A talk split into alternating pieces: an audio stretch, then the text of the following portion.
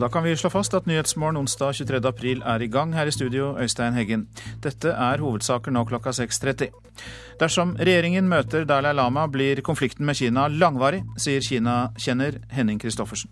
Vi kan ha et evighetsperspektiv på den konflikten dersom den norske regjeringen velger å møte Dalai Lama. Men flertallet av de spurte mener statsministeren eller utenriksministeren bør møte tibetanernes åndelige leder. Flere hundre mennesker er massakrert i Sør-Sudan de siste dagene. Leger uten grenser oppdaterer situasjonen her i Nyhetsmorgen. Aksjene til Manchester United stiger, har ikke vært høyere på New York-børsen siden Alex Fergusons tid. Og her hjemme bruker russ tusenvis av kroner på egenkomponert musikk. Ja, eh, Den ene sangen betalte vi 80 000 kroner for. Den andre betalte vi 45 Og så var det den hjemmesnekra som vi betalte rundt sånn 10 000 for. Så det blir jo ca. 150 000 kroner til sammen. Og vi skal høre mer fra Vilde Akselsen, som er med på russebussen Senses.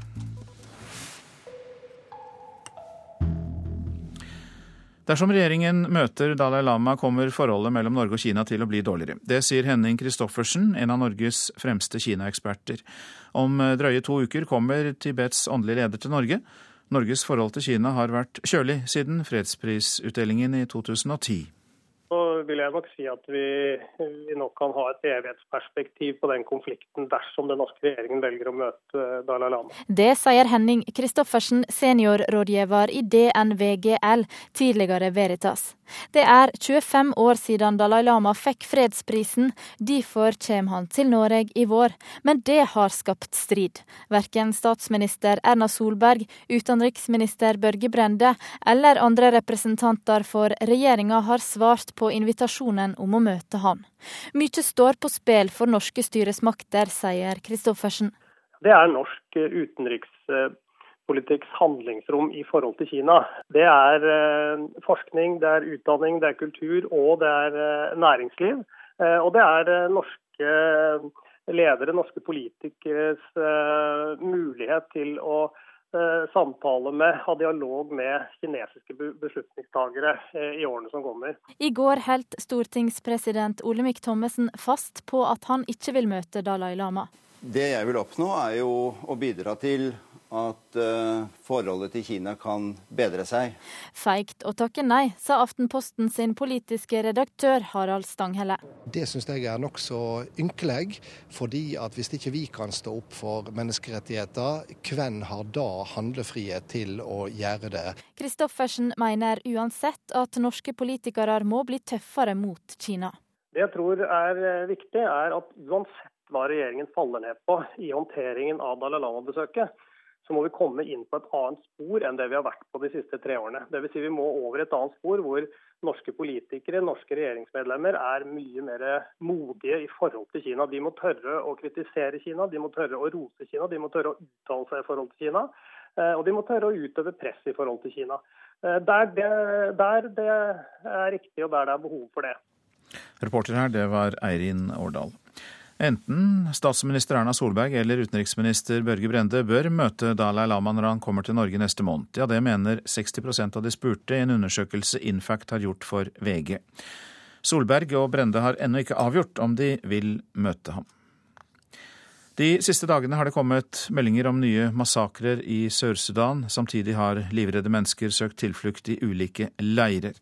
En talsmann for Det hvite hus sier at den økende volden er forferdelig. Og eh, FN rapporterte mandag om at flere hundre ble massakrert da opprørerne, som altså ledes av Sør-Sudans avsatte visepresident, erobret en strategisk viktig oljeby. Det skal være blant de verste massakrene i de krigsherjede ferske nasjonen så langt. Feltarbeider Kim Clausen i Leger uten grenser, hva er det siste du vet om situasjonen for sivilbefolkningen? Det er eh, som du sier, altså massakrene som eh, nå foregikk i Bentuo. Men eh, vi har også på torsdag så ble det rapportert om en stor væpna gruppe som brøt seg inn i FN-leiren i Bor, som også er hovedstaden i Jungle Estate. Og gikk løs på de 5000 flyktningene som er der sånn. Så situasjonen er kaotisk og forferdelig. Du er med oss fra studio i Tønsberg nå, men kjenner jo situasjonen i eh, Sør-Sudan. Eh, hvilke erfaringer har du gjort deg selv der? Altså, når alltingen startet opp i desember, så eh, så det ut at det kunne roe seg ned litt eh, bare noen måneder senere, etter litt grann, eh, internasjonalt press. Nå ser det vel ut til at alltingen eskalerer ekstremt mye høyere opp igjen. Det er vonde skjebner overalt, og dette er, et, er mennesker som har lidd i mange, mange, mange år nå. Kan du beskrive hvilke forhold de lever under i flyktningeleirene? Flyktningeleirene er uh, forferdelige. Det er veldig lite hygienisk. De er, Regntiden har kommet, så mesteparten av leirene står under vann og kloakk. lite tilgang på rent vann, lite tilgang på mat og generelt et utrolig dårlig sikkerhetsbilde. Hva gjør du og kollegene dine i flyktningleirene for å hjelpe til? Vi behandler så mange pasienter som overhodet mulig. Eh, prøver å redde så mange liv vi kan. Det er eh, utrolig mye vonde skjebner som må, må hjelpes opp på beina igjen. Hvilke tanker gjør du deg da om eh, hva som må til for å sikre at det ikke blir flere overgrep, og at man kanskje kan klare å hindre et folkemord i Sør-Sudan? Nei, altså Nå er jeg hjelpearbeider og ikke noen politiker, men uh, jeg vil vel tro at uh, sterke press fra, fra, det internasjonale og opplysning i sånne ting som media, sånn at mennesker faktisk ser hva som egentlig foregår i Sør-Sudan akkurat nå, er det som må til. Nå er jo dette en uh, strid som oppsto mellom de som da sammen ledet landet i sin tid, altså president og visepresident. Men hva sier folk flest om den konflikten som da, i hvert fall i utgangspunktet, oppsto på toppen, og som har fått sine etniske sider også? Altså Allerede fra når eh, krigen brøyt ut i desember, så var vel eh, det første mennesker sa til oss når de kom inn, eh, at dette her var en stammekrig.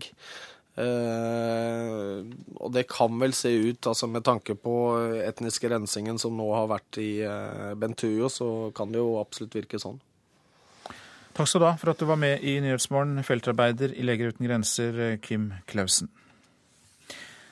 I Brasil er en mann skutt og drept i opptøyer i Rio de Janeiro. Det brøt ut store demonstrasjoner i turistområdet Copacabana etter at politiet skal ha drept en mann de trodde var narkotikalanger. To gjennomfartsveier måtte stenges etter at rasende demonstranter tente på barrikader laget av bildekk. Sammenstøtene mellom demonstranter og politi skjer to måneder før Brasil skal arrangere VM i fotball. En mann har falt over bord fra en fiskebåt ved Skjervøy i Nord-Troms. Seks skip og to helikoptre søker etter fiskeren. Det var to personer om bord i denne fiskebåten.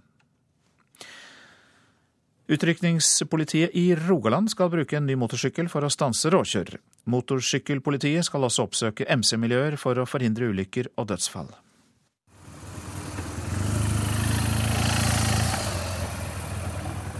Jeg har jo samband på sykkel velger de å kjøre eh, en atferd som er hinsides det som er vedtatt lov og regler, så er det min jobb å gripe inn overfor dem. Utrykningspolitiet sin nye motorsykkel er på plass i Sandnes. Og UP-betjent Kjetil Fur har satt seg på sykkelen for å ta fartsbøllene i fylket. Jeg frykter ingenting, men jeg vet jo at jeg sannsynligvis vil få oppleve folk som kjører styggfort. Eh, folk som ikke ønsker å bli stoppa, og som stikker. Folk som kjører med mangler kjennemerke, falske kjennemerker, meget dårlig sikkerhetsutstyr i det hele tatt. Folk som, som, som uh, har en helt annen risikovillighet enn det som den generelle trafikant har.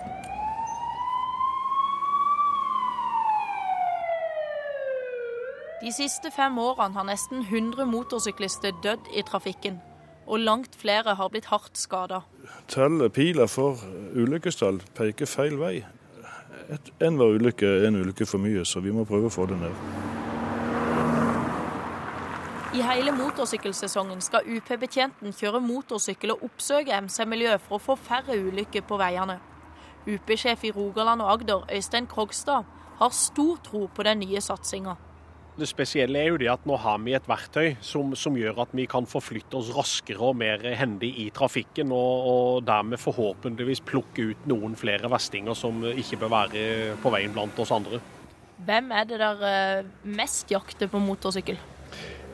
Nei, Vi jakter de som ikke følger fartsreglene. Om du er 18 eller om du er 80 år, hvis det skulle være tilfellet på MC, så er det de som ikke klarer å tilpasse seg lover og regler, de vil vi forsøke å luke ut. Og UP-betjent Kjetil Fur er klar på hvilke fartsbøller han oftest kommer til å møte. Det verste er den unge mannen mellom 18 og 25, dessverre. Eh, det er da man er mest udødelig i eget hode. Og, og, gjerne ikke har så mye tanke for egensikkerhet og sånt, men eh, og i kombinasjon med manglende kjøreferdighet. UP-sjef Øystein Krokstad håper uansett de unge vil tenke seg om ei ekstra gang før de vrir på gassen, når de vet at motorsykkelpatruljen er på veien hele sesongen. Det er ingen tvil om at vi har en del som uh, vi er kjent med, som kjører både med skilter og uten skilter, og som holder veldig, veldig høy hastighet. Så at uh, vi har en del utfordringer, det vet vi om. også, for vi ser om vi klarer å plukke de ut, eller om kanskje vi kan uh, skremme de til å la MC-en stå i, i sommer, så vi slipper alvorlige ulykker. Reporter her, det var Siri Vikne Pedersen. Så var det avisene i dag. Fikk eh, hørselen ødelagt på jobb, skriver Adresseavisen. Birger Sæther fikk eh, tinnitus av støy fra tunge støyende industrimaskiner. Lyden er som en parasitt og er der hele tiden og tapper meg for energi, sier Sæther. Støy er årsaken til 70% av skadene i arbeidslivet, melder Arbeidstilsynet. 40 nordmenn er drept i utlandet de siste ti år, og minst 16 av sakene er ikke oppklart, skriver VG. Norske myndigheter har ikke oversikt over drapene og etterforskningen, skriver avisa. Forfattere vil ha moderne språk i Grunnloven, kan vi lese i Vårt Land. Grunnloven var en gang moderne og radikal, nesten frekk, sier forfatteren Karsten Alnes. Men nå vil et stort flertall av norske forfattere ha oppdatert språket i Grunnloven. Terje Søviknes er tilbake i Frp-toppen, skriver Klassekampen. Os-ordføreren får plass i ledelsen av partiet 13 år etter at han måtte trekke seg. Nå utelukker han heller ikke å bli statsråd. Boligselgerne håper på vårløsning etter en tøff høst og vinter, skriver Fedrelandsvennen. I Agder-fylkene er det 250 boligvisninger på to dager. Kjøpelysten er tilbake i fjellet, kan vi lese i Dagens Næringsliv. Fjellhyttemeglerne forteller at eh, de som skal selge hytte, har eh, moderert prisforventningene og påsken satte punktum for en god salgssesong til fjells. Miljøorganisasjonene krever strenge regler for fornybar energi, skriver Nasjonen. De krever en nasjonal plan for utbygging av fornybar strøm, men Arbeiderpartiet mener det er umulig å unngå alle konflikter om slik utbygging. Bestemor Audhild Viken begynte med to tomme hender i 1950. Nå har Viken-familien kontroll over halve Bryggen. Bergens Tidende forteller om eventyret som startet i Jølster i Sogn og Fjordane, og som nå er en av de store butikkjedene i landet for husflidsprodukter og gaver. Du vet ikke hva du greier før du prøver, og det er utrolig hva du greier når du vil. Ja, det var Audhild Vikens motto. Håp om knallsommer, skriver Nordlys. Værprognosen er klar, og Nord-Norge er den store vinneren i mai, juni og juli.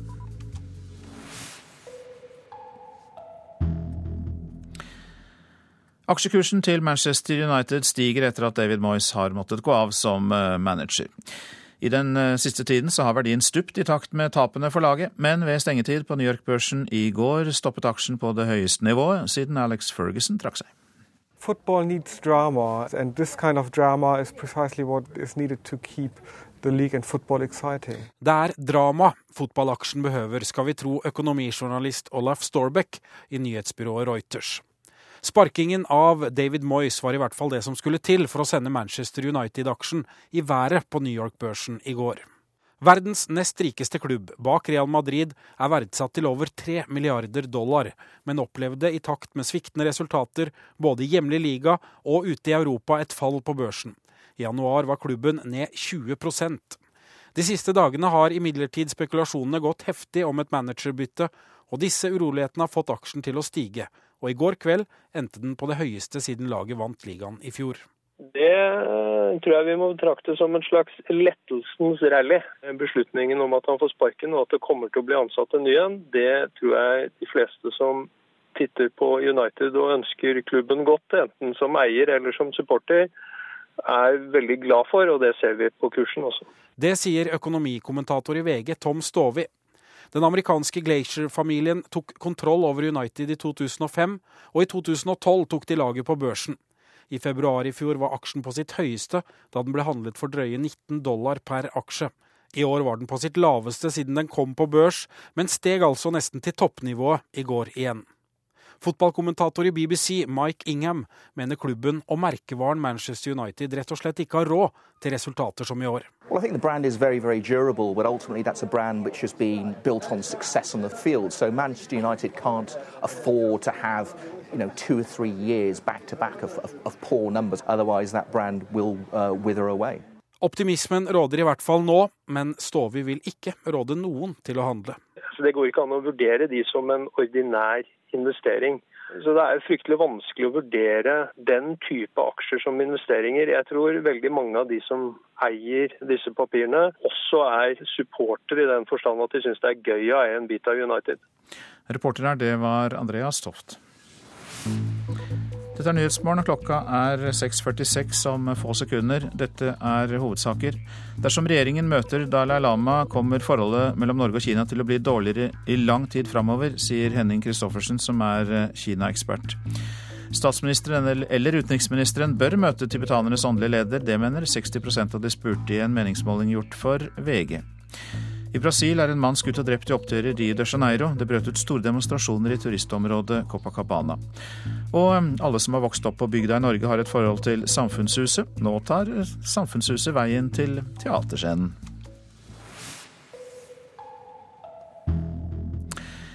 Og dette med Samfunnshuset skal vi høre om eh, senere. Først så skal vi til Tønsberg sentrum, for der kan du høre måker, biler og Joakim. For han selger er lik Norge for å tjene til livets opphold, og denne måneden har bladet skrevet en reportasje også om ham spesielt. Joakim selger nemlig nærmere en fjerdedel av alle er lik-bladene i Vestfold.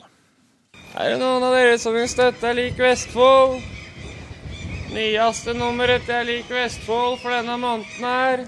Til og med en reportasje med meg inni her òg, som måneden selger.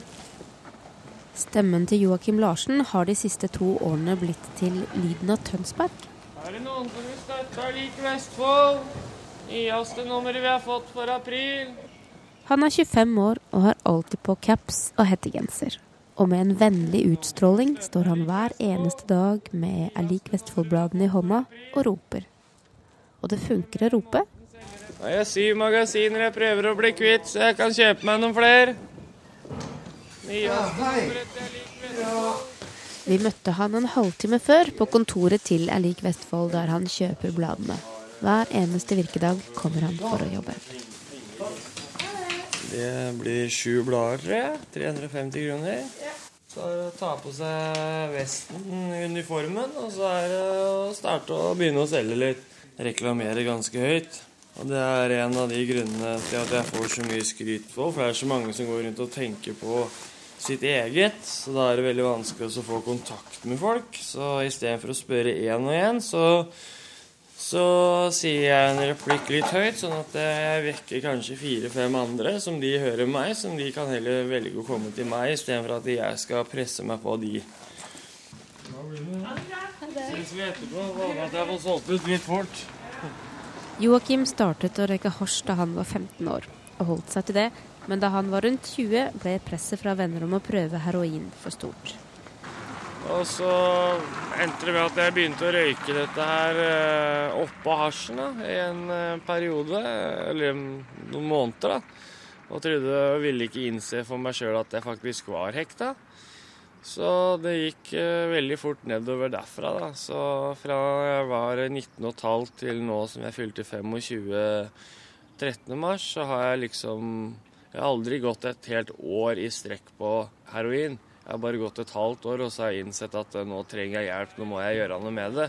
Så jeg har vært veldig mye ut og inn av behandlinger og sånne ting, men jeg har bare vært på Hvilestad og, og Vestfoldklinikken på 111.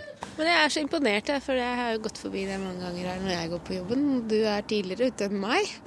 Det er fordi at uh, grunnen til at jeg har gjort dette her hver dag, uansett om det blåser eller om det regner eller snør eller hva det måtte være, så har det vært at uh, i hvert fall mellom den tida der så ruser jeg meg ikke i det hele tatt.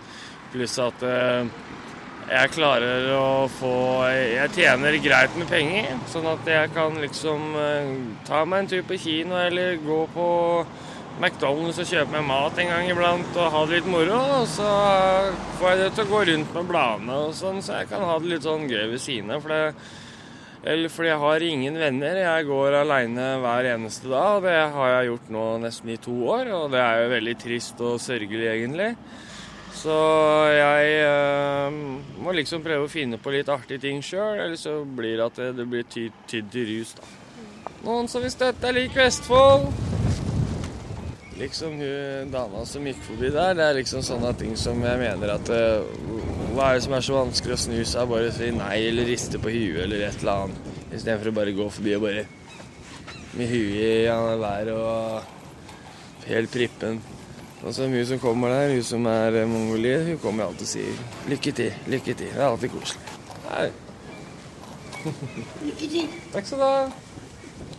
Så er det folk som kommer og hjelper til, og så er det en mor og en datter som kommer og gir meg både røyk og litt ekstra penger og sånn, men de, bor, de velger å komme fra Jessheim og helt ned hit istedenfor å kjøpe fra i Oslo. Fordi de er så glad i meg. Ellers dette er lik Vestfold. Ja, jeg kan jo det Nå er det lenge siden jeg kjøpte. Til og med en månedens selgereportasje med meg inni her òg. Er det det, ja? Men så fint, da. Takk for det. Ha Vil du lese om meg, da? Jeg bare se om du fikk med deg ett eller to nå, for det er noen ganger det klistrer fast seg to. Ja. Ja, det var historien om Joakim, og den ble fortalt av reporter Helena Rønning. Alle som har vokst opp på bygda i Norge, har et forhold til samfunnshuset, eller ungdomshuset, eller grendehuset er det vel også blitt kalt. Nå tas denne delen av norsk kultur til teaterscenen, og publikum får bli med på dugnader og folkemøter, 17. mai-feiringer og fyllefester. Alt dette i Jo Strømgrens komiske univers. Ikke merk noe. Her jeg rundt og er et lavautbrudd av varme følelser for onkelen min, og så skal de ikke merke noe. De kommer til å få bekrefta alle fordommene de har mot nordlendinger. Ramma på hele forestillinga er jo at du er da i den eh, verdensutstillinga som da befinner seg i Dubai. Og det er den norske plattformen. Og den norske plattformen har da tematikk Samfunnshuset. Scenen på Hålogaland teater er gjort om til et grendehus. Plottet er som skuespiller Kjetil Høek forteller, og viser fram norsk kultur på ei verdensutstilling. Men under de grønne felleskjøpedressene til han og de andre skuespillerne ulmer det av mye mer enn dugnadsånd. Vær så snill, ikke bruk det ordet. Bare for å understreke og for å være ordentlig fristende, så har jeg vel ikke flirt så mye på prøver siden jeg og Halvard Holmen øvde inn Karius og Baktus. Jeg tror det er mange gjenkjennbare situasjoner, på godt og vondt. Sier Trude Øynes, som er en av fem skuespillere på scenen. Og vi kan jo begynne å lure på hva det er slags verden Jo Strømgren tar oss inn i. Den internasjonalt anerkjente koreografen har både skrevet manus og hatt regi på Samfunnshuset. Et bestillingsoppdrag fra teatret i Tromsø, som i anledning grunnlovsjubileet ville se nærmere på stedet hvor demokratiseringa i lokalsamfunnet har skjedd. Nå har jeg vært skuespiller i ganske mange år, og det er problematisk å få et nytt norsk stykke. Da tenker man at kanskje heller få spille Tennessee Williams eller Shakespeare eller Ibsen. Men denne gangen har Jo Strømgren skrevet et nytt norsk stykke som vi bare liker kjempegodt og syns er jækla artig og interessant og til en viss grad politisk. Samfunnshuset har representert en tolerant kultur, mener Strømgren. Men hans blikk på norsk kultur er ikke bare positiv. Utgangspunktet for alt jeg gjør, egentlig er en sånn grunnleggende pessimisme overfor uh, hvordan det går med Norge. Både som folkeslag og nasjon. Jeg syns vi går feil vei. Vi har ikke vært en uh, nasjon så veldig lenge, selvstendig litt over 100 år. På den tida har vi klart å nesten bli måte, stolt av vår egen kultur. Før til nå. Jeg, føler er på vei til å si, smuldre opp så til de grader også. De fleste forbinder Jo Strømgren med dans, men mens skuespillerne i forestillinga mener de danser litt, avviser Strømgren blankt at dette er noe annet enn komisk teater. Kanskje fem minutter av, av 120 minutter. Det er veldig dårlig dans òg. Det, det, er amatør, amatørdans. Det ville være blasfemisk å kalle det for dans. Og det var Hege Ren Hansen som hadde laget denne reportasjen for oss. Norsk russ betaler musikkprodusenter opp mot 80 000 kroner for å få laget sin egen sang til russebussen. Og det er nesten dobbelt av det en vanlig norsk artist bruker på singelen sin, sier manager Gunnar Greve. Flere av bussene har også flere sanger. Russebussen Senses har brukt over 150 000 kroner.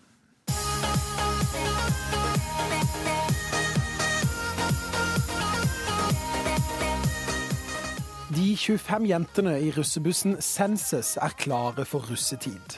De har til sammen brukt over 1 million kroner på bussen, bl.a. til hvitt skinninteriør, graffitifasade og et digert lydanlegg. Men det de har brukt mest penger på, er bussens egen signaturmusikk. Ja, eh, Den ene sangen betalte vi 80 000 kroner for. Den andre betalte vi 45 Og så var det den hjemmesnekra som vi betalte rundt sånn 10 000 for. Så det blir jo ca. 150 000 kroner til sammen. Forteller Vilde Akselsen, en av jentene på bussen. NRK har foretatt en ringerunde blant russ som har kjøpt og satset på egne sanger til russebussen sin. Den viser at russen bruker mellom 50 og 100 000 kroner kun på musikken. Noen har også flere låter som skal passe til ulike anledninger. Hele 149 russebusser og biler i Norge er registrert med egen russemusikk på nettet. Eh, det er klart at Man tenker jo at eh, det er fryktelig mye penger å bruke når man hører at, at enkelte russebusser kan bruke oppimot 80 000 norske kroner, som er egentlig nesten dobbelt av hva jeg anbefaler en, en gjennomsnittlig norsk artist å bruke på singelen sin. Sier manager og produsent Gunnar Greve.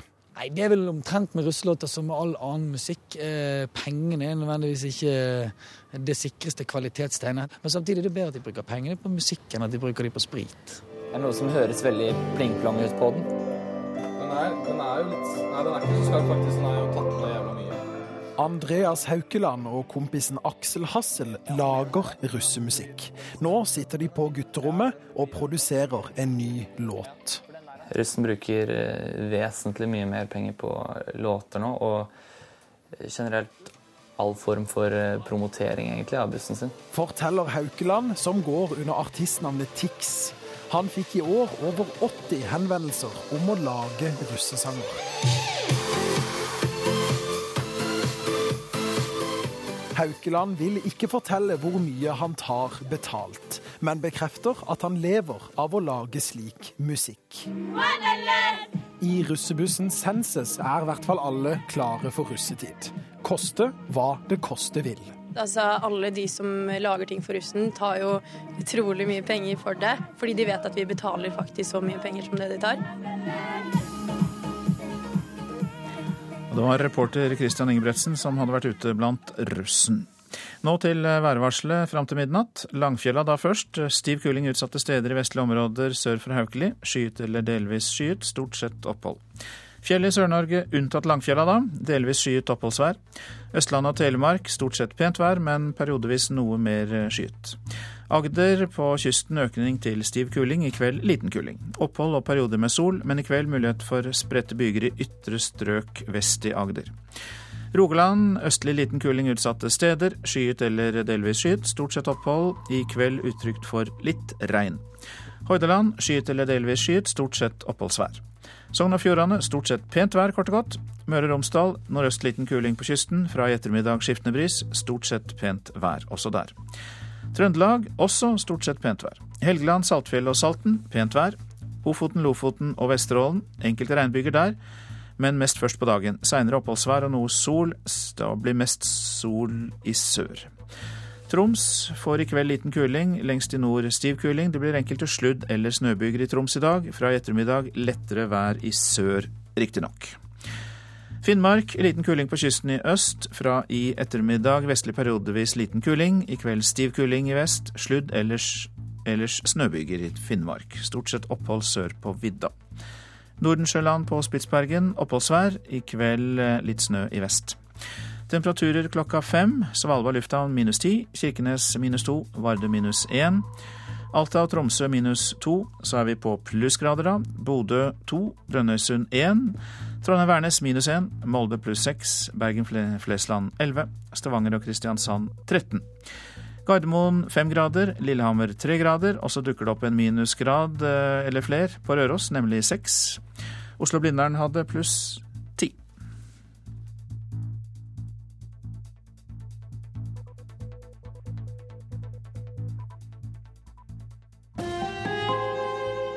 Hør ekko.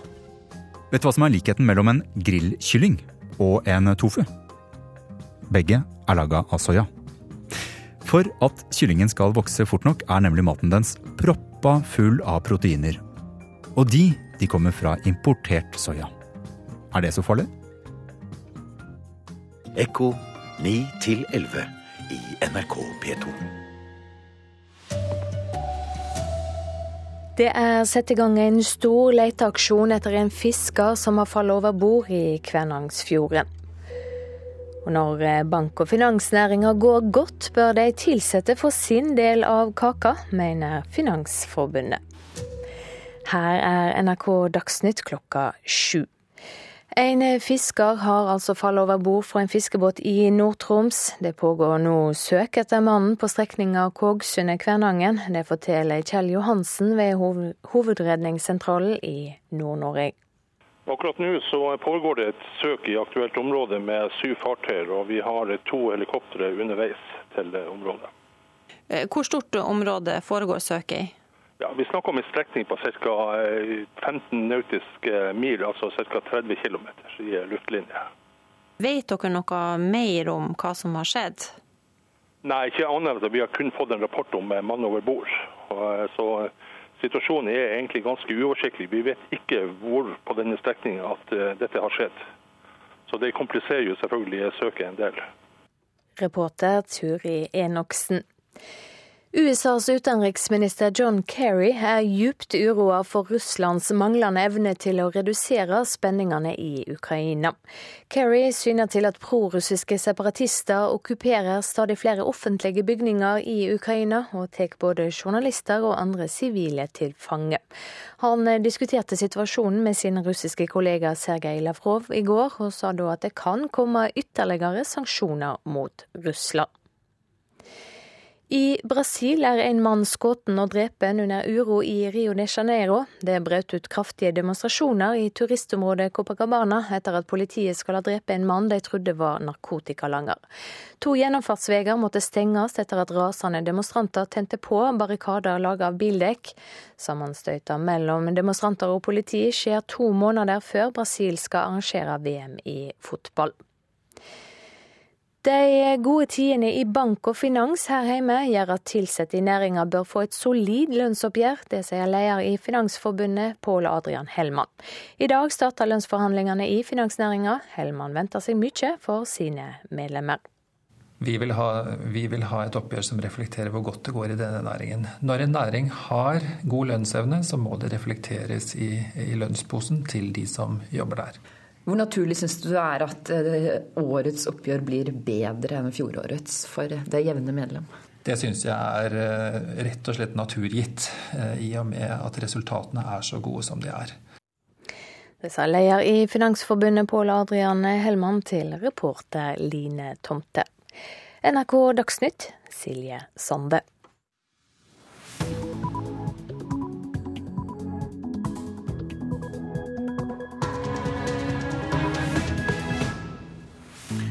Nyhetsmorgen fortsetter med disse sakene. Foreldre bruker tusenvis av kroner på spesialundervisning fra private selskaper. Som vi hørte i Dagsnytt, ansatte i finansnæringen krever solide lønnstillegg. Det kan true den norske frontfagmodellen, mener økonom. Klorgass kan bli Assad-regimets nye våpen i krigen mot opprørerne. Det frykter Organisasjonen for forbud mot kjemiske våpen. Og hva er passende oppførsel på tog? Ja, det får du høre mer om i Nyhetsmorgen.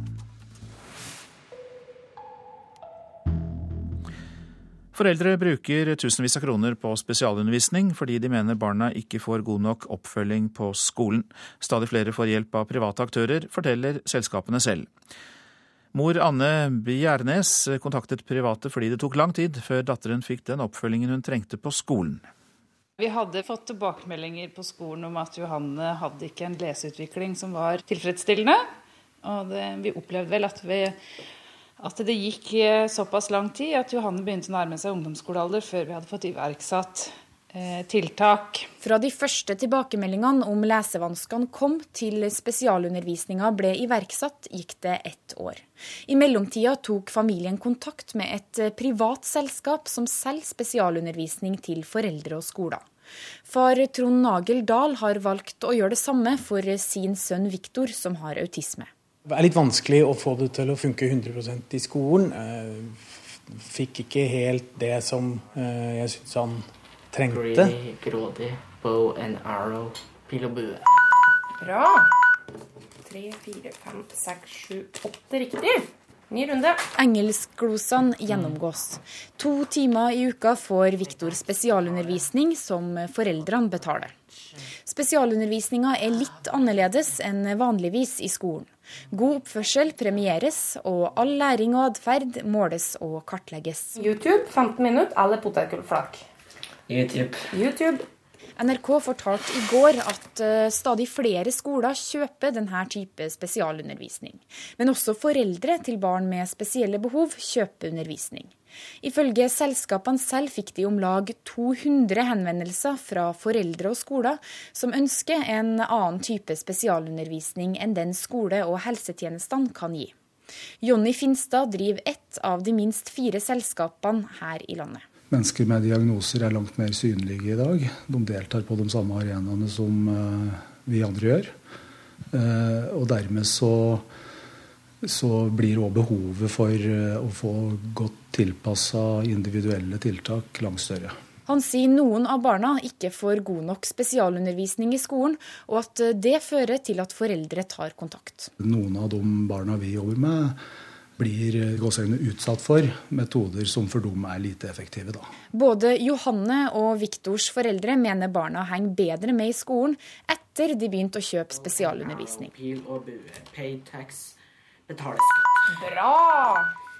Da var vi ferdig. I løpet av en halvtime har Viktor lært seg alle engelskglosene. Han sier han har merka en effekt av den nye spesialundervisninga. Knytte sko, og så engelsken, den er jeg fryktelig eh, god, god til. Men, men, matten, den kommer kom, jeg til å, å øve og øve og øve, øve mye, mye mer på. Og det var Marit Gjelland som hadde laget denne reportasjen. Terje Skyvelstad, velkommen til deg. Takk. Du er første nestleder i Utdanningsforbundet. Og her hørte vi jo om bekymrede foreldre som prøver å gjøre noe med det. Deler du den bekymringen? Ja, altså Det er vanskelig for meg å kommentere en aktuell sak siden jeg ikke kjenner den. Men ja, jeg deler den bekymringen. Eh, når det gjelder spesialundervisning, så er det kommunenes ansvar å gi god spesialundervisning. Eh, et av problemene her er at over halvparten av undervisningen blir gjort og foretatt av ufaglærte, altså assistenter i skolen. Så der er det skoen trykker? Ja, eh, det er flere ting ved spesialundervisning som bør diskuteres. Og jeg hørte at eh, Torbjørn Røe Isaksen ønska å røske opp i videregående skole i går. Jeg tenker også at han trenger å røske opp litt i spesialundervisningen. Hva er grunnen til at det er ufaglærte som, eh, eller for mange av dem, som underviser eller driver spesialundervisning i norsk skole? Ja, Det er fordi det er mye billigere. Det er det enkle svaret på det.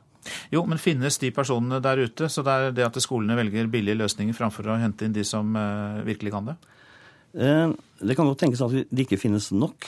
Et av poengene her er at det er tross alt 51 000 elever som har spesialundervisning i Norge. Og det er viktig at vi jobber med å bygge opp den kompetansen i hver eneste kommune for å sørge for at disse elevene får det tilbudet de har krav på. Tror du at det dermed vil bli mer bruk av private løsninger, som vi hørte om her? Det virket jo som dette var veldig vellykket, da? Ja.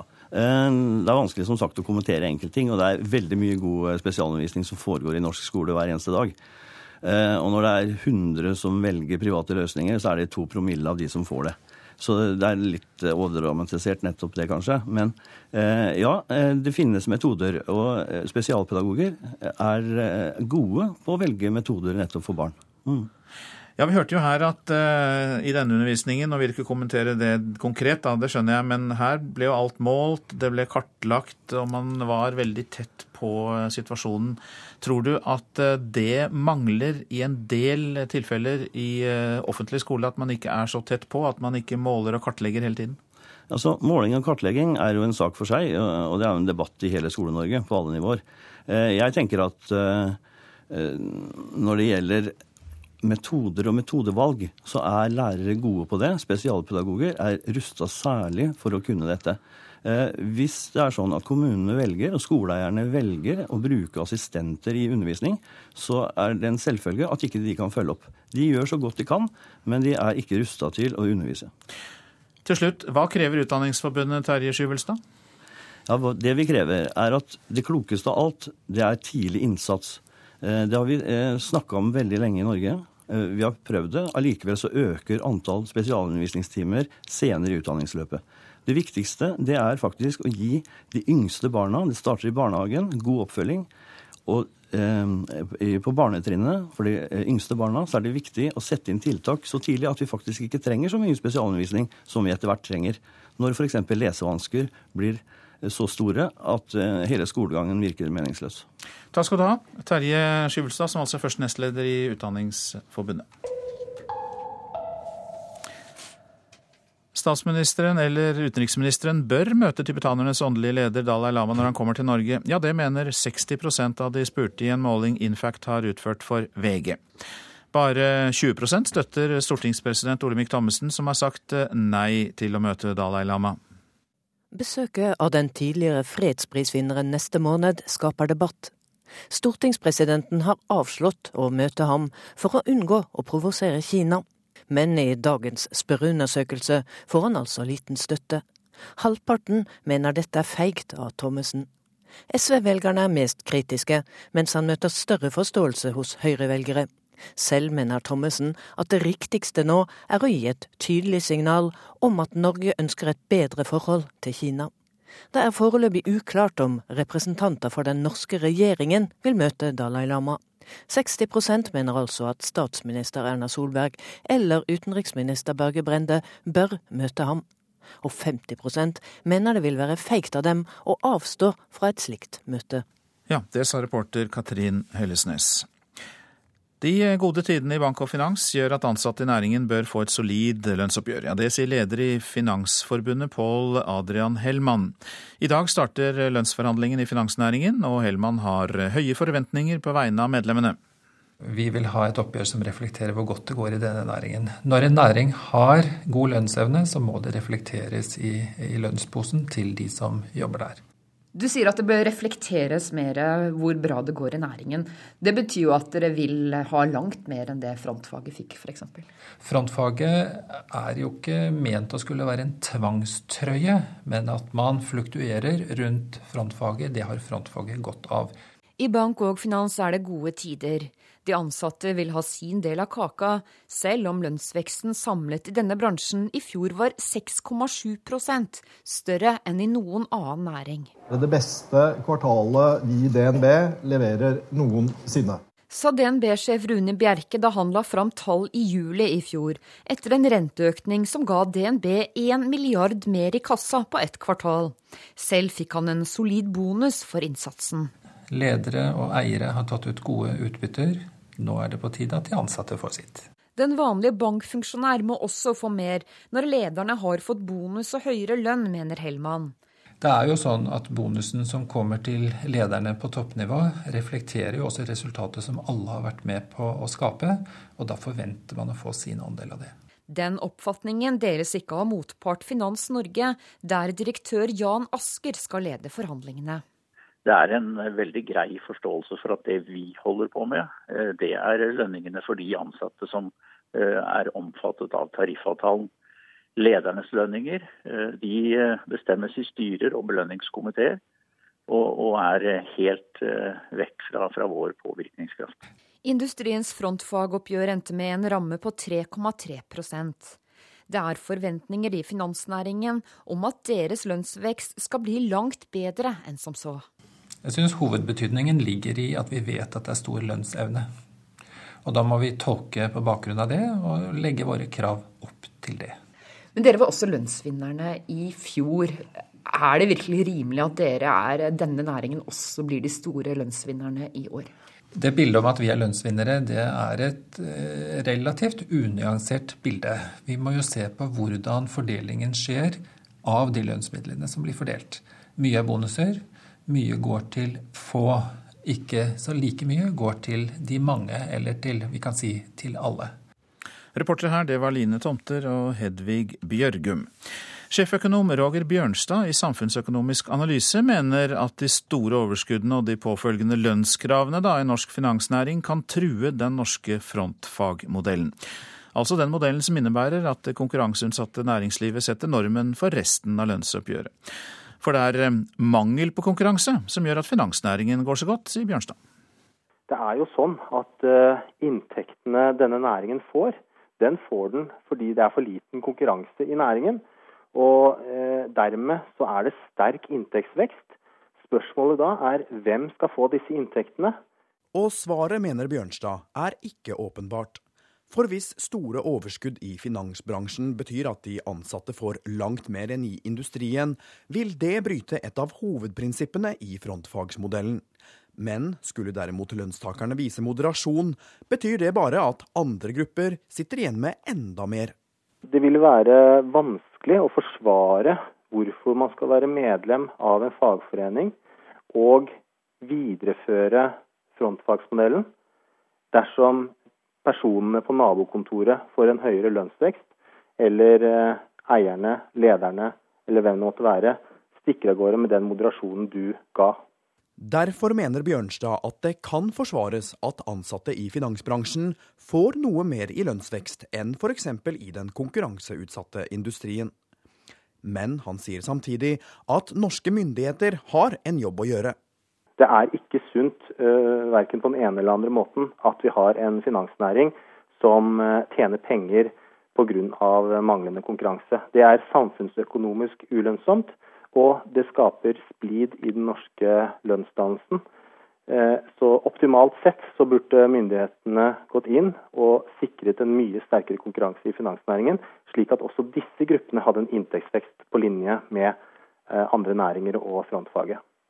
Reporter her, det var Halvard Norum. Dette er Nyhetsmorgen, og klokka den nærmer seg 7.17. Dette er hovedsaker. Statsministeren eller utenriksministeren bør møte tibetanernes åndelige leder Dalai Lama. Det mener 60% av de spurte i en undersøkelse Infact har gjort for VG. Foreldre bruker tusenvis av kroner på spesialundervisning fra private selskaper.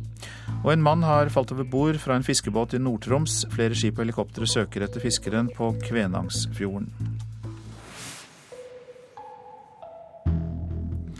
Klorgass kan bli Assad-regimets nye våpen i krigen mot opprørerne i Syria. Ifølge Organisasjonen for forbud mot kjemiske våpen, OPCV, bør gassen stå på listen over kjemiske stridsmidler som Syria skal kvitte seg med.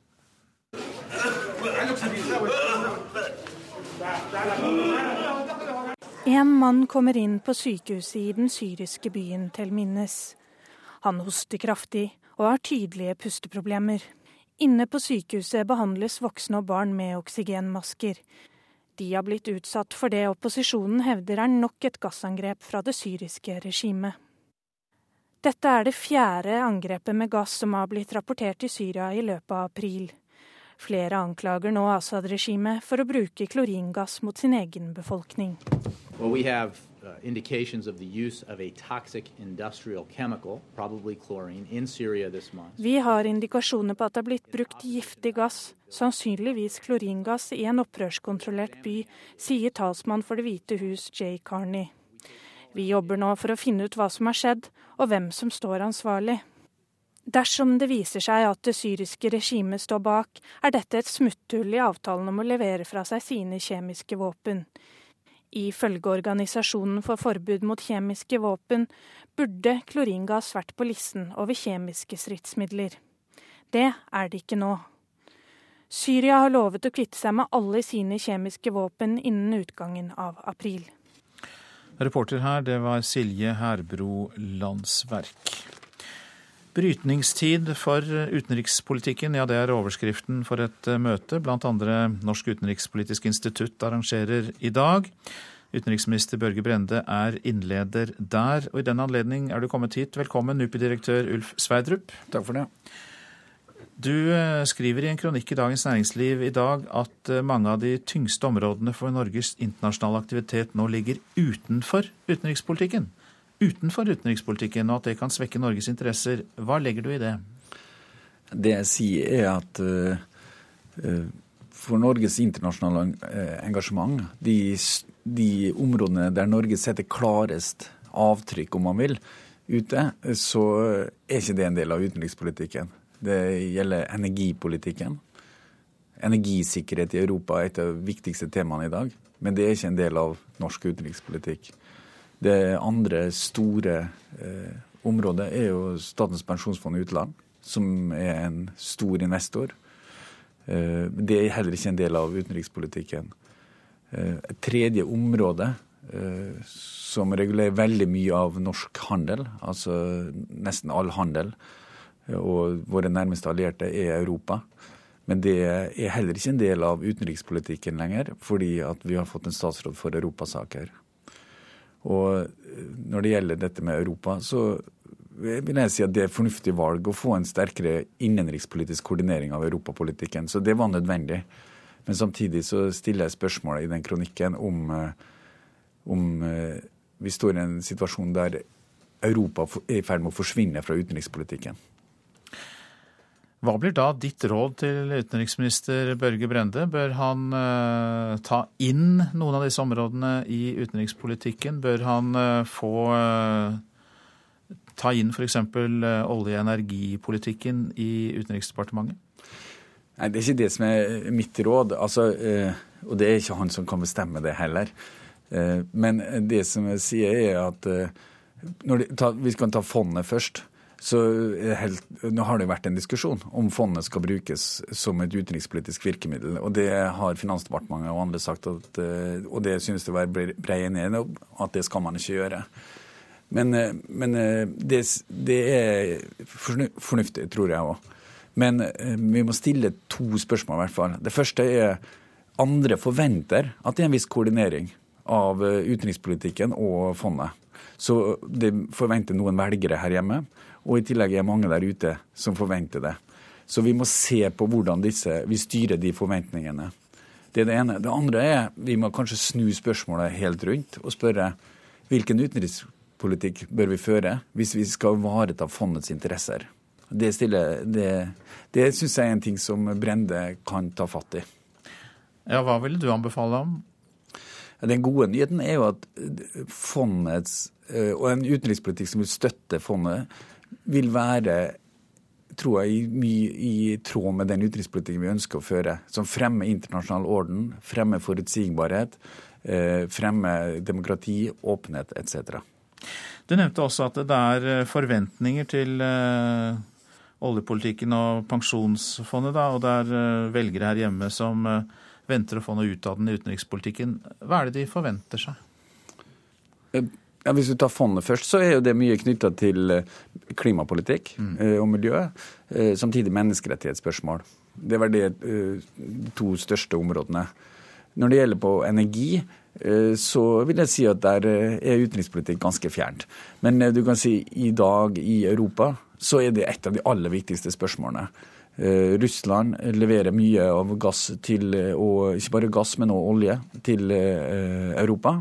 Og eh, Europa opplever at den avhengigheten de har av Russland, er problematisk. I, man ser på hvordan kan man løse det energiproblemet i Europa, og mange peker på Norge som løsningen. Eh, I disse dager så foregår jo stor omlegging f.eks. i Litauen, eh, der det bygges en LNG-terminal som er høy skal, skal lease ut. Eh, garantiinstituttet, Det norske garantiinstituttet er med å finansiere det. Eh, og spørsmålet om norsk gass fra Statoil eh, skal være med å levere det. Det vil være skifte fullstendig energisituasjon i Litauen. Dette og mer til skal dere altså diskutere i dag, Ulf Sverdrup, på møtet om brytningstid for utenrikspolitikken. Og da går jeg ut ifra at Børge Brende lytter interessert til din tale om utenrikspolitikken. Altså, han har mange dyktige eksperter som hjelper han, så jeg skal bare komme med noen små fotnoter. Takk for at du også kom hit og gjorde det. Takk skal du ha, Ulf eh, Sverdrup. Så var det det avisene skriver om i dag. Dersom regjeringen møter Dalai Lama, kan konflikten med Kina fortsette inn i evigheten, sier eh, Kina-kjenner Henning Christoffersen til eh, Aftenposten. Han sa jo også til NRK at regjeringen har lite spillerom i konflikten med Kina. Fikk hørselen ødelagt på jobb, skriver Adresseavisen. Birger Sæther fikk tinnitus av støy fra tunge støyende industrimaskiner.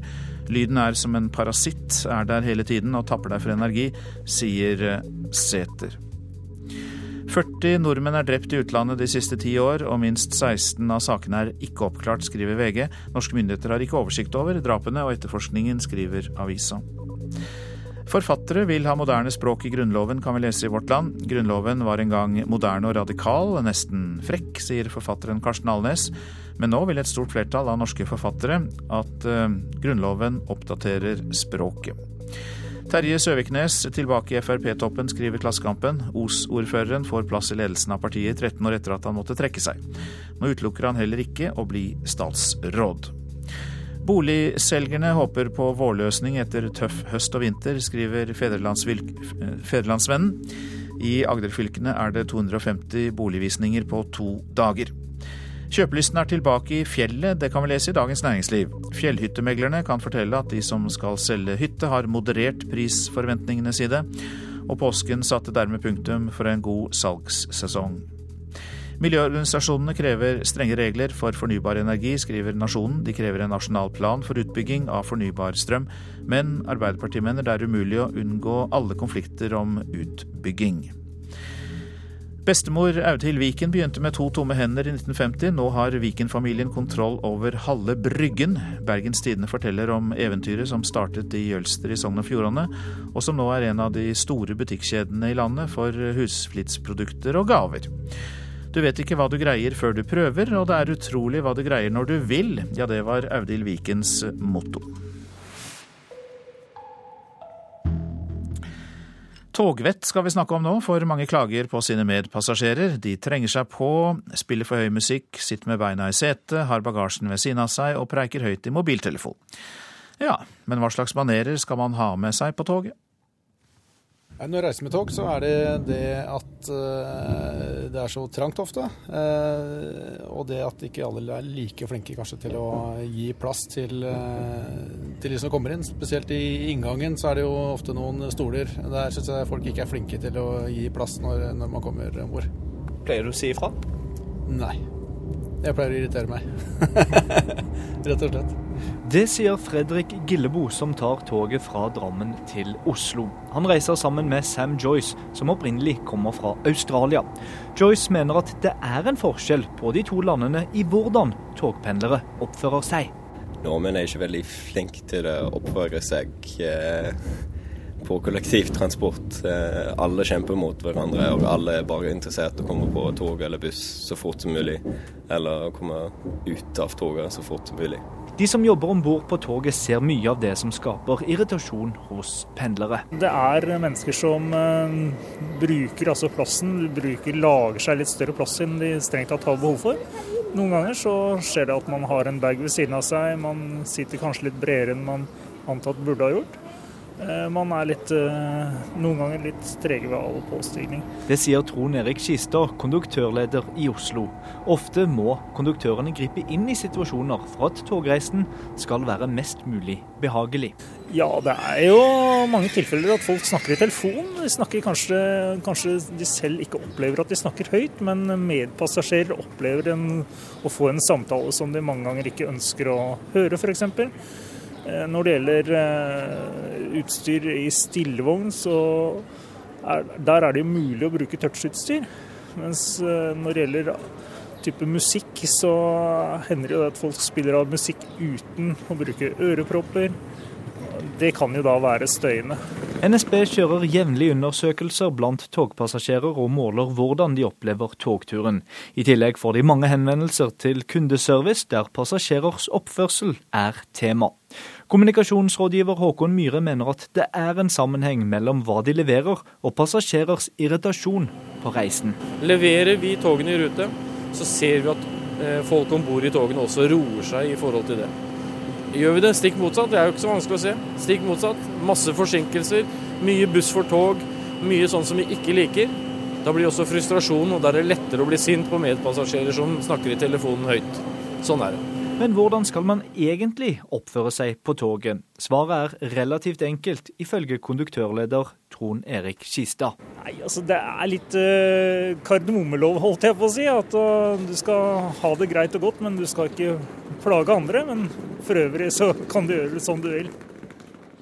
Reporter på toget, det var Odd Vegard Kandal. Du lytter til Nyhetsmorgen. I reportasjen etter Dagsnytt skal vi høre om samaritanerne. Det er ikke mange igjen av dem i Gerizim-fjellene i Palestina. I Politisk kvarter om det offentlige Norges forsøk på å blidgjøre Kina, og de følger det får for Dalai Lamas besøk her i landet. Prosent for Nyhetsmorgen, Kari Bekken Larsen. Her i studio, Øystein Heggen. Nå straks Dagsnytt.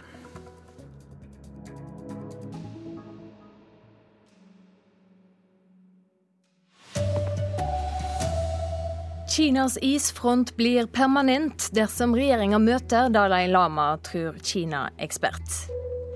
Skolen svikter de svakeste barna, mener foreldre som kjøper spesialundervisning fra private.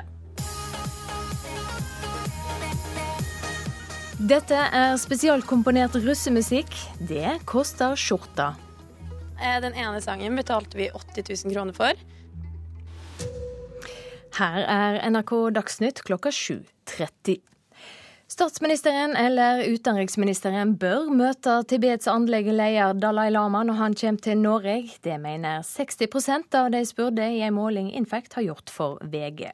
Men tilhøvet mellom Kina og Norge kommer til å bli dårligere dersom regjeringa møter Dalai Lama. Det sier Henning Christoffersen, en av de fremste Kina-ekspertene her i landet så vil jeg nok si at vi, vi nok kan ha et evighetsperspektiv på den konflikten dersom den norske regjeringen velger å møte Dalai Lama. Det sier Henning Christoffersen, seniorrådgiver i DNVGL, tidligere Veritas. Det er 25 år siden Dalai Lama fikk fredsprisen. Derfor kommer han til Norge i vår. Verken statsminister Erna Solberg, utenriksminister Børge Brende eller andre representanter for regjeringa har svart på invitasjonen om å møte han. I går holdt stortingspresident Olemic Thommessen fast på at han ikke vil møte Dalai Lama. Det jeg vil oppnå, er jo å bidra til at uh, forholdet til Kina kan bedre seg.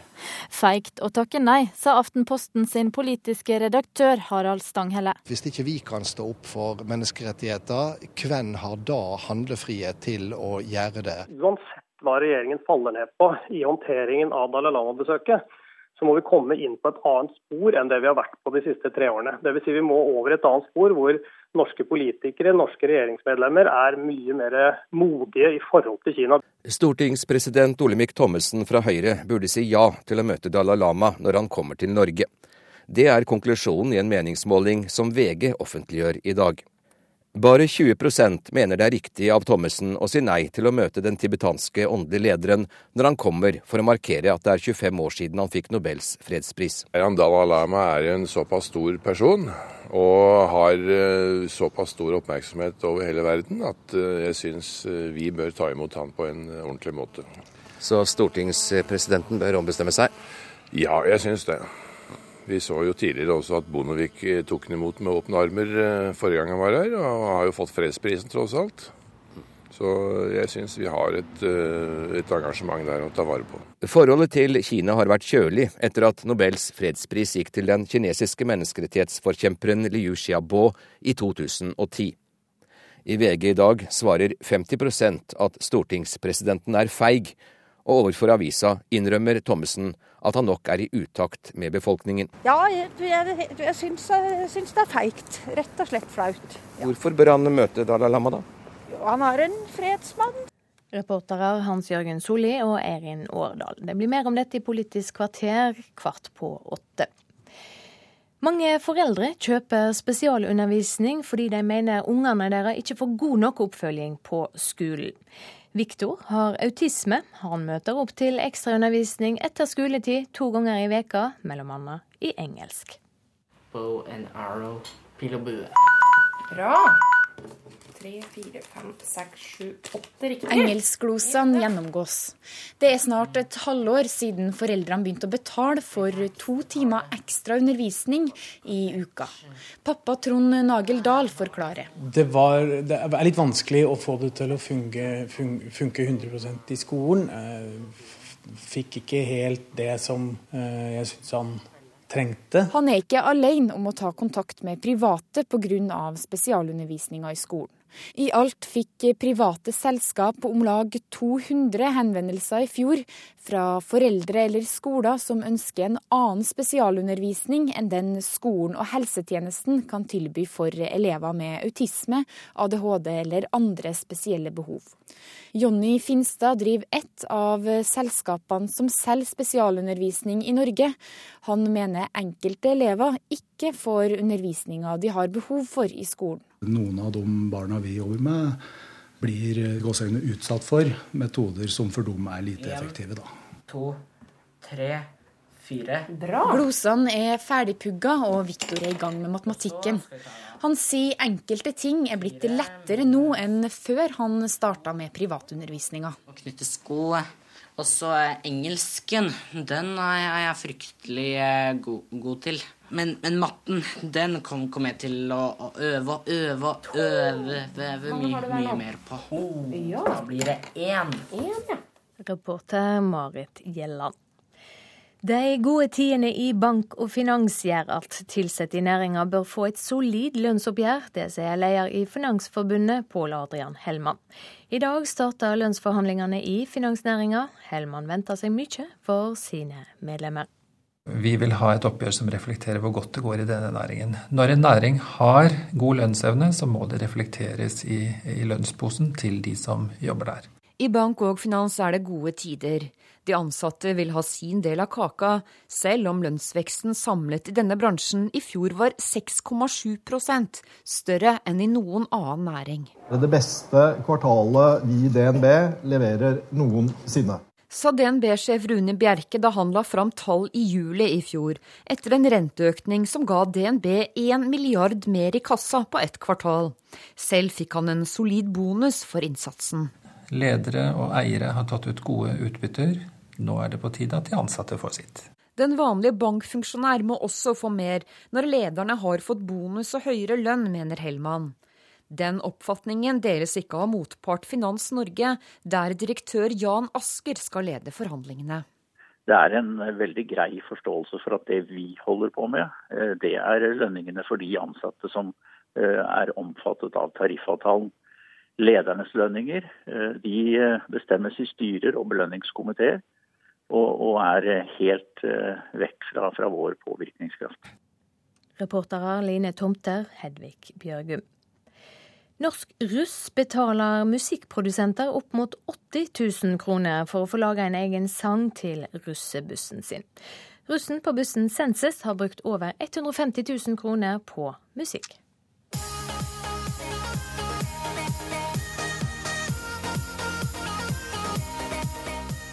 Ja, eh, Den ene sangen betalte vi 80 000 kroner for. Den andre betalte vi 45 og så var det den hjemmesnekra som vi betalte rundt sånn 10 000 for. Så det blir jo ca. 150 000 kroner til sammen. Forteller Vilde Akselsen fra russebussen Senses. De har til sammen brukt over én million kroner på bussen. Og det de har brukt mest penger på, er bussens egen signaturmusikk.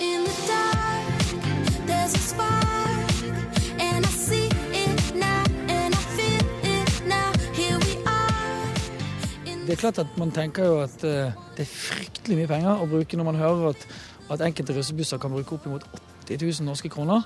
Som er egentlig nesten dobbelt av hva jeg anbefaler en, en gjennomsnittlig norsk artist å bruke på singelen sin. Sier manager Gunnar Greve.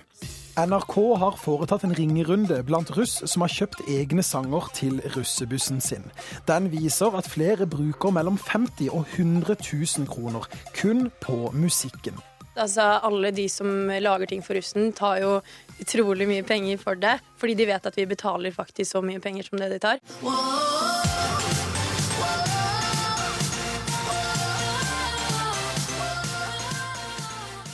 Reporter her, det var Christian Ingebretsen. Så skal vi høre at eh, Manchester United-aksjen reagerte svært positivt da meldinga kom om at eh, manager David Moyes må gå.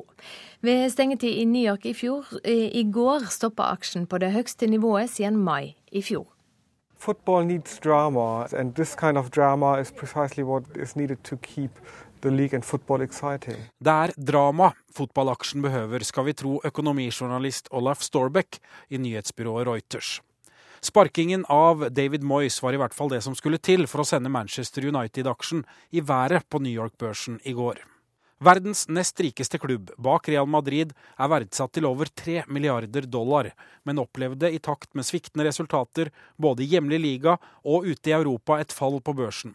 I januar var klubben ned 20% De siste dagene har imidlertid spekulasjonene gått heftig om et managerbytte, og disse urolighetene har fått aksjen til å stige. Og i går kveld endte den på det høyeste siden laget vant ligaen i fjor. Det sa reporter Andreas Toft. Ansvarlig for eh, Dagsnytt eh, denne morgenen, Bjørn Christian Jacobsen. Teknisk ansvarlig Frode Thorshaug. I studio Silje Sande.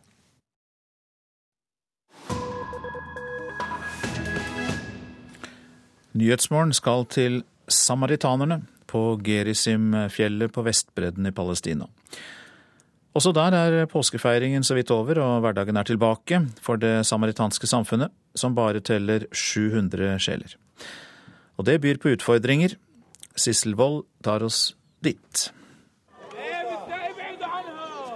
Hvitkledte menn med røde hatter og dødsdømte sauer.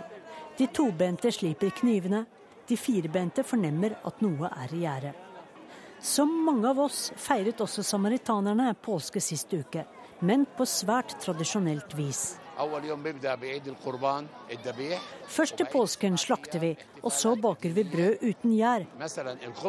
Forteller den samaritanske presten Harun Salom til Reuters. Bare litt over 700 samaritanere holder til på Gerizimfjellet bak den palestinske byen Nablus på Vestbredden. Som jødene spiser heller ikke samaritanerne gjæret brød i sin påske, en likhet som ikke er tilfeldig. For samaritanerne stammer også fra israelittene, sier de. Men 600 år før Kristus delte de to sektene lag, og lå deretter i strid med hverandre. Samaritanerne har sin egen versjon av Toraen, og når presten Jeffet Hakohen ruller ut den hellige skriftrullen og resiterer bønn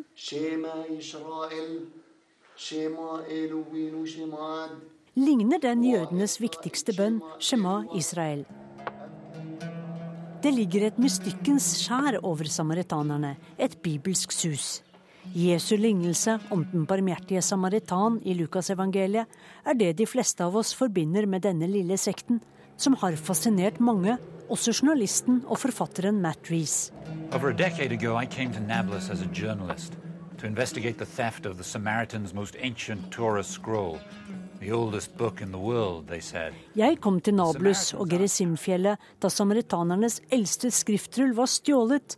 Prestene ba president Yasser Arafat om å love én million dollar i finnerlønn, men Arafat sa nei. Sier Matt Reece, som ble inspirert til å skrive kriminalromanen 'Samaritanernes hemmelighet'. Den handler om skriftruller, penger, intriger og svik. For som Reece detektiv, den palestinske læreren Omar Yusuf, erfarte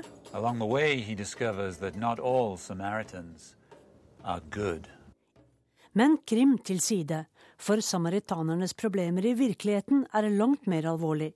De strever med å overleve som religiøs og etnisk gruppe. Redsel for innavl og frykt for å dø ut har fått lederne på Geresimfjellet til å åpne opp for inngifte. Ingen lett avgjørelse for presten Hosnei Cohen.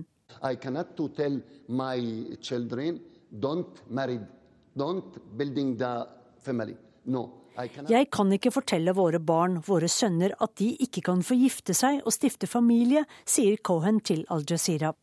Men det er ikke nok samaritanske kvinner, så nå har prestene latt ungkarer få kontakte et ekteskapsbyrå. Like the, the Kvinnene utenfra er ikke som våre, medgir Cohen. Men likevel vet han at de elleve brudene fra Ukraina redder både han og hans like. En av dem heter Tanja Altif. They have more men than women and uh,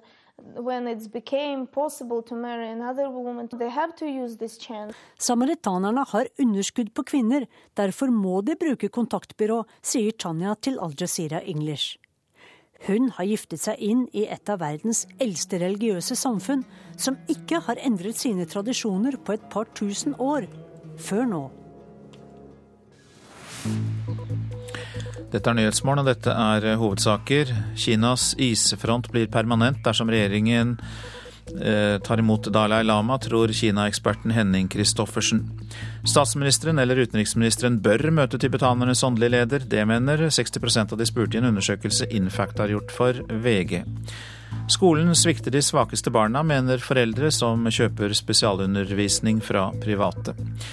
Og de ansatte i finansnæringen krever solide lønnstillegg fordi bank- og finansnæringen går så godt. I dag starter lønnsforhandlingene i eh, finansnæringen. Og eh, nå er det Politisk kvarter som eh, står for tur.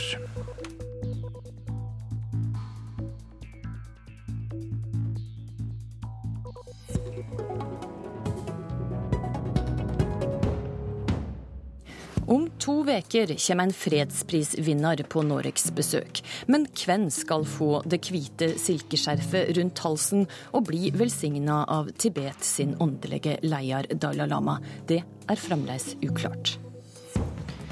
God morgen og vel møtt til Politisk kvarter. I studio i dag er Astrid Randen. Stortingspresidenten vil altså ikke. Regjeringa har ennå ikke bestemt seg. Dalai Lama sitt besøk skaper hovedbry. Kristian Tybring-Gjedde, du sitter i utenrikskomiteen for Frp. Mener du at regjeringa bør møte Tibet sin åndelige leder? Nei, jeg mener ikke det. Jeg, jeg syns det er helt i orden selvfølgelig at stortingsrepresentanter og andre ønsker å møte Dalai Lama. Det syns jeg er helt naturlig. Eh, men så mener jeg at eh, Nobelkomiteen eh, og valget av fredsprisvinner var helt uavhengig av regjering og storting. Nobelkomiteens valg av Dalai Lama i 1989 til fredsprisvinner var altså ikke en utenrikspolitisk avgjørelse, men en helt uavhengig beslutning. Eh, og det er slik at eh, Man må skille mellom Nobelkomiteen, som det er veldig attraktivt å sitte i, og regjering og stortings rolle. Så jeg mener ikke at det er naturlig at eh, stortingspresidenten, ei heller regjeringsrepresentanter, møter Dalai Lama. Men dette var ikke begrunnelsen Olemic Thommessen, stortingspresidenten, brukte. Han sa at han ikke ville møte Dalai Lama for å la være å provosere Kina. Er du enig i den begrunnelsen?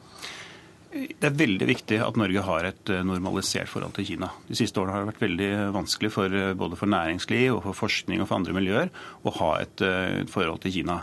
Eh, vi må ikke glemme at Kina er verdens raskest voksende økonomi og sannsynligvis vil ta over og bli verdens største økonomi eh, og ta, gå forbi USA innen ganske få år. Selvfølgelig er det viktig for Norge å ha et normalisert forhold til dette. Og så tror jeg heller ikke vi skal overdrive Norges betydning. Vi er bitte, bitte, bitte små i verden, fem millioner mennesker, eh, så jeg tror ikke vi skal overdrive det. Men i utgangspunktet så mener jeg at, at vi ikke bør møte på offisielt nivå. For å la være å provosere?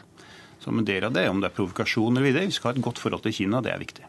Kjetil Kjenseth, du leier Tibetskomiteen på Stortinget og representerer partiet Venstre.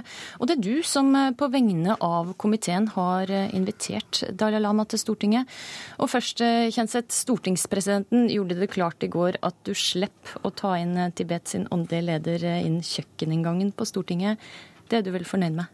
Det er jeg veldig fornøyd med. Det syns jeg hadde tatt seg veldig dårlig ut om vi hadde blitt henvist til en bakvei inn på Stortinget med en fredsprisvinner, eh, og som er kjent for å bruke dialog som sitt virkemiddel i kampen for menneskerettigheter. Men eh, du får ikke bruke lagtingssalen for eh, møte med Nei, dessverre. Jeg beklager jo det. At vi ikke kan ta imot en celebritet, et ikon, som Dalai Lama er for menneskerettigheter. Vi har jo besøk av mange andre i lagtingssalen. Så jeg syns også vi kunne fått brukt den eh, i møte med Dalai Lama. Hvor Hva handla denne romdiskusjonen egentlig om? Nei, Den handler jo om symboler, og den handler om storpolitikk. Eh, definitivt. Eh, Kina er blitt en stormakt i verden. Der var de ikke på 50-tallet, da eh, Tibet-konflikten eh, oppsto. Eh, og heller ikke i 1989 så mye, da Dalai Lama fikk fredsprisen. Men eh, nå er de jo en gigant i verden, og da blir jo eh, kampen for menneskerettigheter litt vanskeligere når, eh, når pengene skal telles opp. Hva syns du om måten presidentskapet har håndtert denne saken på? Jeg har jo fulgt opp, eller jeg sa vel i forkant av Harald Stanghelle at jeg syns det er både litt feigt og litt smålig at vi ikke benytter anledningen til å høre en stemme fra et undertrykt folk. Eh, i en situasjon der verden trenger eh, slike stemmer og trenger de erfaringene som eh, undertrykte mennesker har med seg. Og det burde vi lytte til også i Norge. Mm.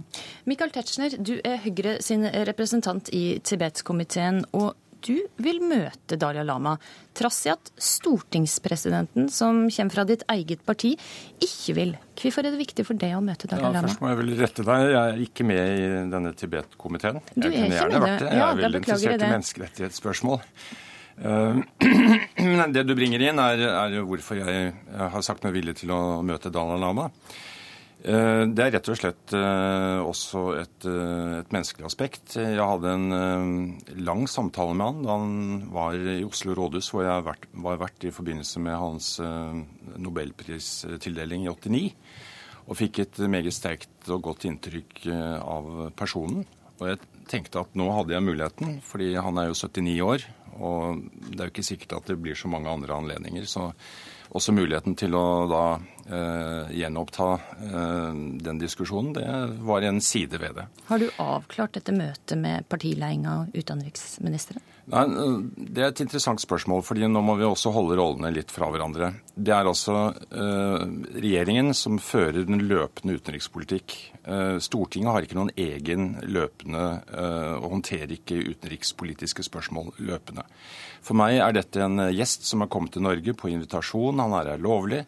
Eh, han er ikke engang her på eh, noe offisielt eh, besøk. og Dermed så faller dette møtet inn under kategorien møter som, som vi har og Stortinget som institusjon er jo landets viktigste demokratiske møteplass. Mm. Og da kan man selvfølgelig ta med gjester dit. Men så tilbake til spørsmålet. Har du avklart det med partiledelsen og Utenriksdepartementet? Nei, men Det er jo ikke nødvendig å gjøre. Fordi som stortingsrepresentant, og det er jeg helt enig med Kristian Tybring-Gjedde, så eh, er vi som enkeltrepresentanter eh, underlagt eh, norsk lov og omgås de som er her i lovlig ærend. Og Dalai Lama er her altså da etter invitasjon. Han er en meget velansett gjest. Og så betyr han selvfølgelig eh, noe i tillegg. Men vi har et eh, samfunn som ikke er totalitært, hvor man avklarer oppover i systemet med, hvem man møtes. Men uh, stortingspresidenten hevder altså at det vil skade Norge sitt forhold til Kina hvis det offisielle møte, Norge møter Dalai Lama.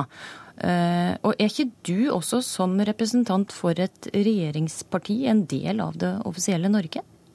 Nei, altså jeg er stortingsrepresentant. Jeg følger primært eh, ansvar overfor de velgerne jeg møter. Og så har jeg valgt inn på Høyres program. Som er, men er meget, du sikker på at Kina ser forskjellen? Ja. Så, men så kommer du inn på noe som også er interessant, og det er eh, hvorvidt en uh, forsiktig vurdering fra stortingspresidenten, som, som, jeg både respekterer og, og forstår, men ikke kanskje helt ut er enig i, om den liksom skulle binde møteaktiviteten for en gjest som er i Norge helt lovlig. Eh, det tror jeg ingen eh, skulle forvente. Og tvert imot, det er ganske viktig, tror jeg, at stortingsrepresentanter eh, har anledning til å treffe nettopp Dalai Lama for å vise han at han ikke er persona non grata i Norge. Så innser jeg at andre har andre roller som de etter beste skjønn og evne skjøtter. og og jeg respekterer de beslutninger som de tar for sine funksjoner, uten at jeg av den grunn vil kritisere det. Men du er altså ikke samd i stortingspresidentens uh, grunngjeving for å ikke ville møte Dalai Lama? Jeg respekterer hans beslutning, men jeg er ikke helt ut enig i den. Men på den annen side så er min rolle å være stortingsrepresentant, og jeg tilhører da landets mest åpne institusjon, og det skal den fortsatt være ved at vi tar imot velansette gjester som kommer hit i lovlig ærend. Mm. Marianne Aasen, du er Arbeiderpartiet sin representant i Tibet-komiteen. og Arbeiderpartiet er ikke det partiet som har ropt høyest i denne saken, eh, verken på den ene eller den andre sida. Hvem fra Ap er det som skal møte Dalai Lama? Det er jeg, så vidt jeg vet. Men vi har ikke hatt noe oppdeling i stortingsgruppa om det. Så du vil altså få dette hvite silkeskjerfet? Hva sa du? Du vil altså få dette hvite silkeskjerfet rundt halsen som eh, symboliserer hell og framgang? ja, det er ikke derfor jeg møter han i tilfelle. Hvorfor er det viktig for deg å møte han, da? Nei, altså jeg mener jo at som stortingsrepresentant, eh, som med folk, som folkevalgt da, og med mange velgere i ryggen, så mener jeg der er jeg opptatt av å møte internasjonale og og nasjonale aktører som har eh, en viktig stemme når det gjelder spørsmål som menneskerettigheter og mye annet. Eh, og da mener jeg jo at det er riktig at Stortinget tar imot han på den måten vi gjør, altså gjennom Tibet-komiteen. Det er helt naturlig, syns jeg, at når man har en sånn komité, at de møter Dalai Lama når han kommer til Norge. Og derfor vil jeg møte han. Har du avklart møtet med partiledelsen din? De vet det, men jeg spør ikke om lov. Skjønner. Eh, ja, Christian Tybring-Gjedde, litt tilbake til det. Du blir altså uh, kalla feig og smålig når du eh, forsvarer eh, det at eh, det offisielle Norge ikke vil møte eh, Dalai Lama. Hva syns du om det? Nei, Det syns jeg er en underlig karakteristikk. Eh, det er altså veldig mange frihetsforkjempere som besøker Norge som verken eh, har kontakt med regjering eller eh, Stortingets presidentskap. Jeg kan nevne flere av de. Så jeg syns vi ikke skal overdrive dette her.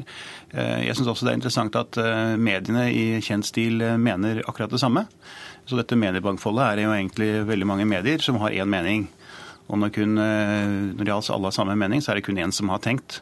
Eh, så jeg er ikke så veldig overrasket over at mediene i kjent stil går i den retningen, og så kaller de alle andre noe annet. Og de tre debattantene som sitter her sammen med deg, da. De vil jo også møte Dalai Lama. Ja, og jeg kunne gjerne møtt Dalai Lama, jeg også. Det har jeg understreket. Jeg har ikke noe mot det i det hele tatt. Poenget var at det offisielle Norge, som jeg ikke er en, sånn sett er en del av, altså de som representerer Norges utenrikspolitikk, de har eh, da foreløpig ikke svart på denne henvendelsen, samtidig som presidentskapet og presidenten har svart eh, nei.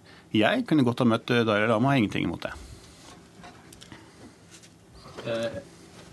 Jeg syns jo at det, det, her er en spesiell anledning. Dalai Lama er eh, ikke hvem som helst i kampen for menneskerettigheter i, i verden.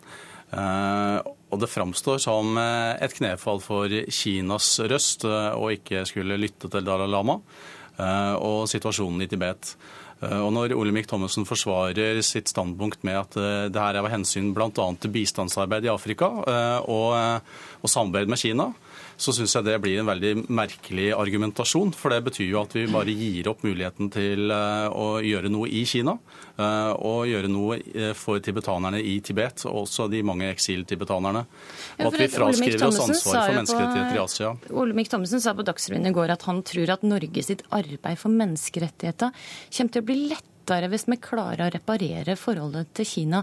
Forstår du den argumentasjonen? Eh, jeg forstår eh, hva han sier, men det han sier er jo at det blir lettere i en del av verden, men ikke i Asia og ikke i Kina. Eh, og det syns jeg er å fraskrive seg et ansvar for menneskerettigheter som skal være universelle, og som vi har måte bygde oss opp litt av troverdigheten som fredsnasjon og humanistisk nasjon. Det er jo å tale de menneskerettighetenes sak uansett hvor i, i verden, og uansett regime. Så jeg syns det er, er, å måtte bortforklare en del av verden, eller å, å overse en del av verden. Eh, og det, det syns jeg er eh, et knefall for prinsipper. Sett en eh, menneskeretter foran, eller sett en handel og forholdet til Kina foran menneskerettigheter, Tetzschner? Jeg har lyst til å peke på at handelen og arbeid for menneskeretter som regel trekker i samme retning. Fordi det betyr at man bryter ned barrierer mellom folk og systemer. Men ikke denne gangen. Men det som nå skjer, som er litt uh, trist, det er hvis vi nå kan konstatere at Norge lar seg mer påvirke av Kina enn vi da klarer å påvirke Kina den andre veien.